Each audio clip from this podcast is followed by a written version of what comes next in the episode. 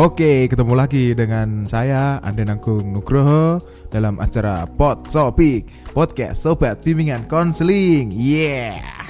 Oke, sudah berapa minggu ya?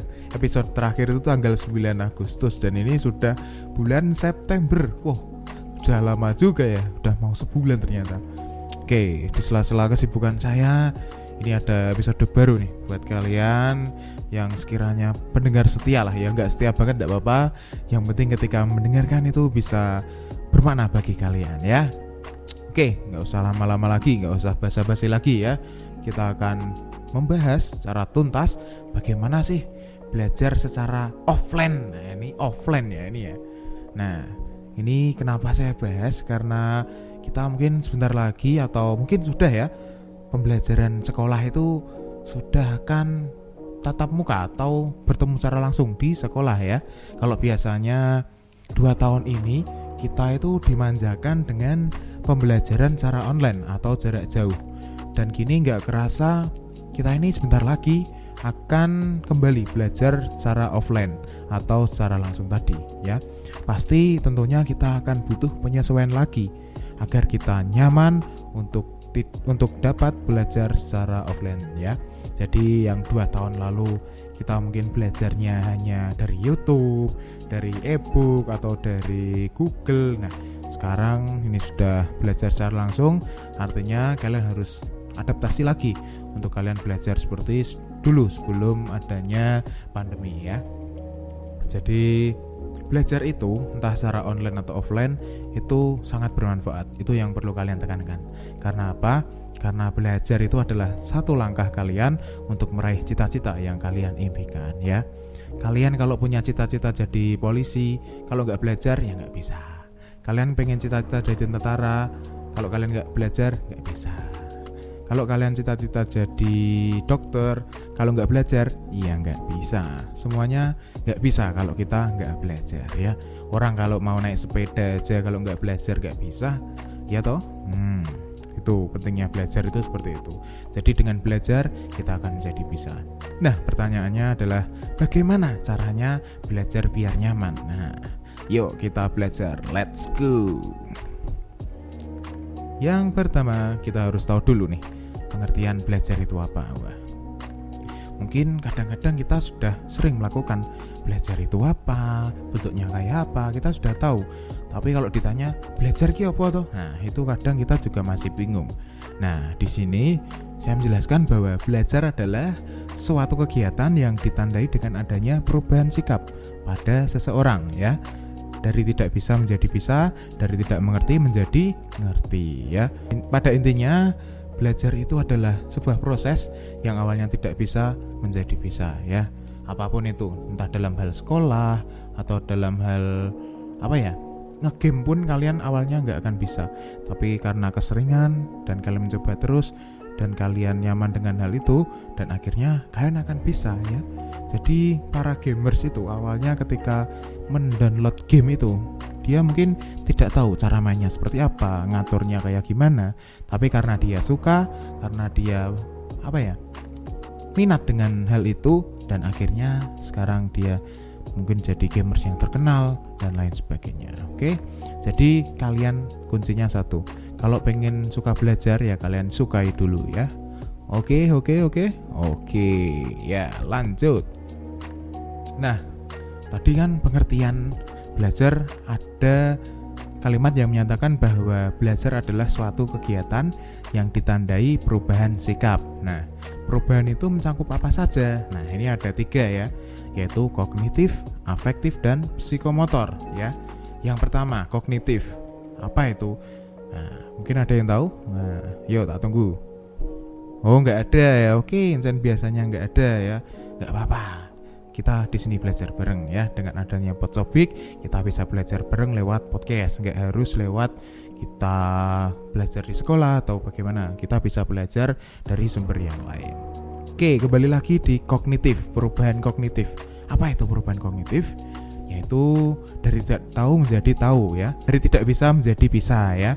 Jadi kognitif itu yang spesifik adalah dari sisi pemikiran kita ya.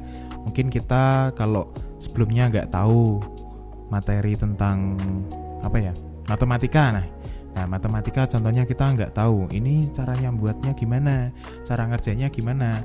Nah, dengan kita belajar, tentunya kita akan menjadi bisa yang dulunya tidak bisa. Nah, itu contoh dari perubahan kognitif kita dari yang tidak tahu menjadi tahu ya. Oke, lalu yang kedua adalah perubahan afektif. Nah, afektif itu apa? Afektif adalah perubahan yang bisa dilihat dari perilaku kita ya. Jadi perilaku kita yang mungkin dulunya negatif sekarang bisa menjadi lebih positif. Nah, di sini bukan positif yang lain ya, tapi adalah positif yang perilaku yang baik ya, maksudnya itu. Jadi mungkin yang dulunya kita celelean, nggak bisa disiplin, nggak bisa tepat waktu, atau ngerjain tugasnya kalau nggak dioyak-oyak gurunya itu nggak ngerjain nah itu bisa berubah ke arah yang lebih baik sekarang bisa rajin bisa disiplin dan juga bisa mengerjakan tugas tanpa disuruh ya gitu jadi itu adalah afektif bisa dilihat dari perilaku kita ya Oke, perubahan yang ketiga adalah atau yang terakhir adalah psikomotor. Nah, ini psikomotor ini bukan motor ya, tapi ini adalah suatu keterampilan. Jadi perubahan yang bisa kita lihat dari keterampilan kita. Contohnya, kita suka di bidang musik nih. Dulu kita awalnya nggak bisa gitar, contohnya kita karena belajar nah akhirnya kita dari yang tidak bisa menjadi bisa yang tidak terampil menjadi terampil. Nah, itu adalah contoh dari perubahan psikomotor ya. Jadi, walaupun di sini ada kata motor, itu tidak berarti dilihat dari motornya apa ya. Oke, oke, oke. Nah, Oke, itu tadi perubahannya jadi mencakup apa saja. Nah, yang pertama adalah kognitif, afektif dan psikomotor ya itu semua kalau bisa kita terapkan atau bisa ada di diri kita, kita akan menjadi orang yang mudah nantinya di mana pun kita berada, di mana pun kita mau bekerja ya. Kalau kognitif, afektif, dan psikomotor kita jalan semua dalam menghadapi kesulitan apa pun, kita pasti akan bisa untuk menghadapinya dan pastinya akan lebih apa ya santai atau rileks karena kita merasa bisa. Coba bayangin kalau kalian ngerjain ulangan dan kalian belum siap. Itu pasti kalian akan lebih takut, lebih pikiran dan lain sebagainya. Dan bahkan kemeringet. Nah, itu ya. Kemeringet ya. Orang kalau panik biasanya kemeringet, kalau nggak kemeringet ya batuk-batuk. Nah, itu ciri-ciri dari orang panik ya. Oke, lanjut. Nah, ini ini yang paling penting ya. Kita kadang belajar itu hanya sekedar belajar, tidak memperhatikan bahwa diri kita juga punya sisi kejenuhan. Nah, gimana sih caranya biar belajar itu nggak jenuh? Nah, caranya itu mudah. Ya mungkin kalian juga sudah menerapkan, tapi mungkin juga ada yang belum. Yang pertama, kita harus niatkan dulu nih bahwa belajar itu adalah kewajiban dari kita sebagai seorang pelajar. Nah, itu kita tanamkan dulu ke mindset kita, ke pikiran kita agar kita apa ya namanya ya? punya niat yang tinggi untuk bisa belajar suatu hal yang baru. Kalau kita nggak punya niat, apa pun itu kita tidak akan bisa melakukan. Sekarang wudhu saja ya, itu harus baca niat. Itu contohnya. Jadi walaupun dalam hal belajar kita juga harus niat juga. Segalanya kalau nggak niat nggak akan terlaksana ya. Oke, jadi kalian gampangannya juga gini deh. Kalau kalian pengen makan, nah pengen makan makan kan enak ya walaupun enak kalau kalian lagi nggak pengen atau nggak niat maem atau makan ya sama aja. Kalian pasti tidak akan suka dengan makanan itu. Tapi kalau kita niat kita suka nah pasti kita akan lebih tertarik pada hal itu termasuk juga dalam hal belajar. Oke oke. Nah kemudian agar kita belajar nyaman kita juga harus memperhatikan waktu belajar kita. Jangan kita itu belajar terus menerus dari pagi sampai sore sore sampai malam. Bah itu akan membuat otak kita menjadi penat sekali jadi belajar itu tidak seperti itu ya. Jangan dikebut satu hari satu malam. Tapi belajar itu adalah bagaimana kita nyamannya aja. Kita kuatnya satu jam ya satu jam. Kita kuat dua jam ya dua jam. Nggak perlu lama-lama. Yang penting adalah konsisten kita. Jangan sampai hari ini ya ya oh belajar dua jam. Eh besoknya libur dulu. Besoknya libur lagi. Eh delalah keterusan. Akhirnya nggak belajar. Dan nilainya jelek nyalain temennya nah, itu nggak bisa semua itu kembali ke diri kalian. Kalau kalian belajar pasti juga hasilnya akan kalian terima sendiri, yaitu dalam bentuk nilai atau dalam bentuk apa pun itu yang akan kembali ke diri kalian. Oke, itu. Oke, selanjutnya adalah tentang kalau belajar kita juga harus apa ya? Kita kalau belajar itu juga harus memperhatikan tempat kita untuk belajar. Jangan sampai kita niatnya belajar tapi kita terganggu karena mungkin ada aktivitas lain selain kita atau ada saudara atau teman yang lagi ngerjain apa dan kita terganggu. Nah itu jangan sampai. Jadi kita harus bisa pintar-pintar untuk memilih tempat untuk kita belajar. Contohnya hari ini di kamar kok bosen ya kita pindah ke mana ya? Ya kita bisa ke ruang tamu atau ke ruang keluarga atau di mana pun itu yang penting kalian nyaman kalau masih kalian tidak nyaman juga, coba deh sekali-kali kamar kalian didekor atau apa, didekor atau dihias atau di apain lah yang membuat kamar kalian itu menjadi suasana yang baru. Dan itu pasti akan membuat kalian moodnya bangkit dan akhirnya kalau pengen ngerjain sesuatu termasuk belajar itu lebih seneng deh. Misal kalau misalnya kamar kalian belajar itu kok gelap ya kalian ganti lampu yang padang mungkin dikasih lampu kelap-kelip atau hiasan apa yang membuat mood kalian itu bangkit kalau melihat hal itu. Jadi kalau moodnya sudah bangkit nah kalau belajar juga pasti akan senang tidak merasa gerutu. Alah sinau ini ini terus wah bosen nah, itu ndak boleh ya tuh. Itu adalah mungkin cara yang bisa dilakukan untuk kita tidak merasa bosan ketika belajar ya Oke, nah belajar juga ternyata ada beberapa macam.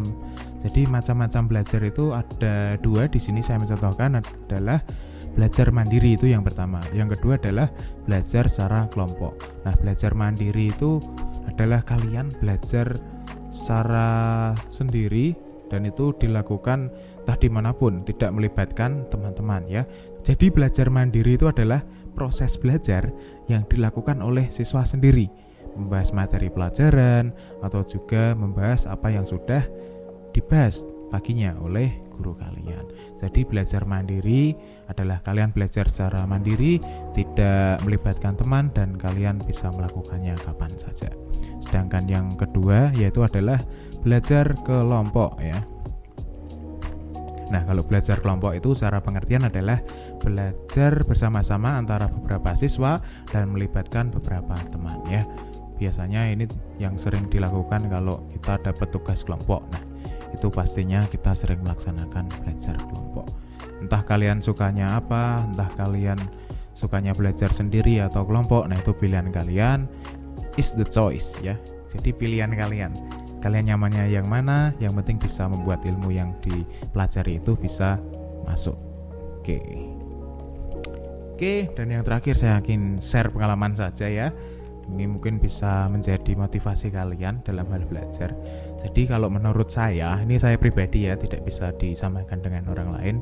Jadi kalau saya ini penganut belajar itu tidak perlu lama-lama. Yang penting rutin ya.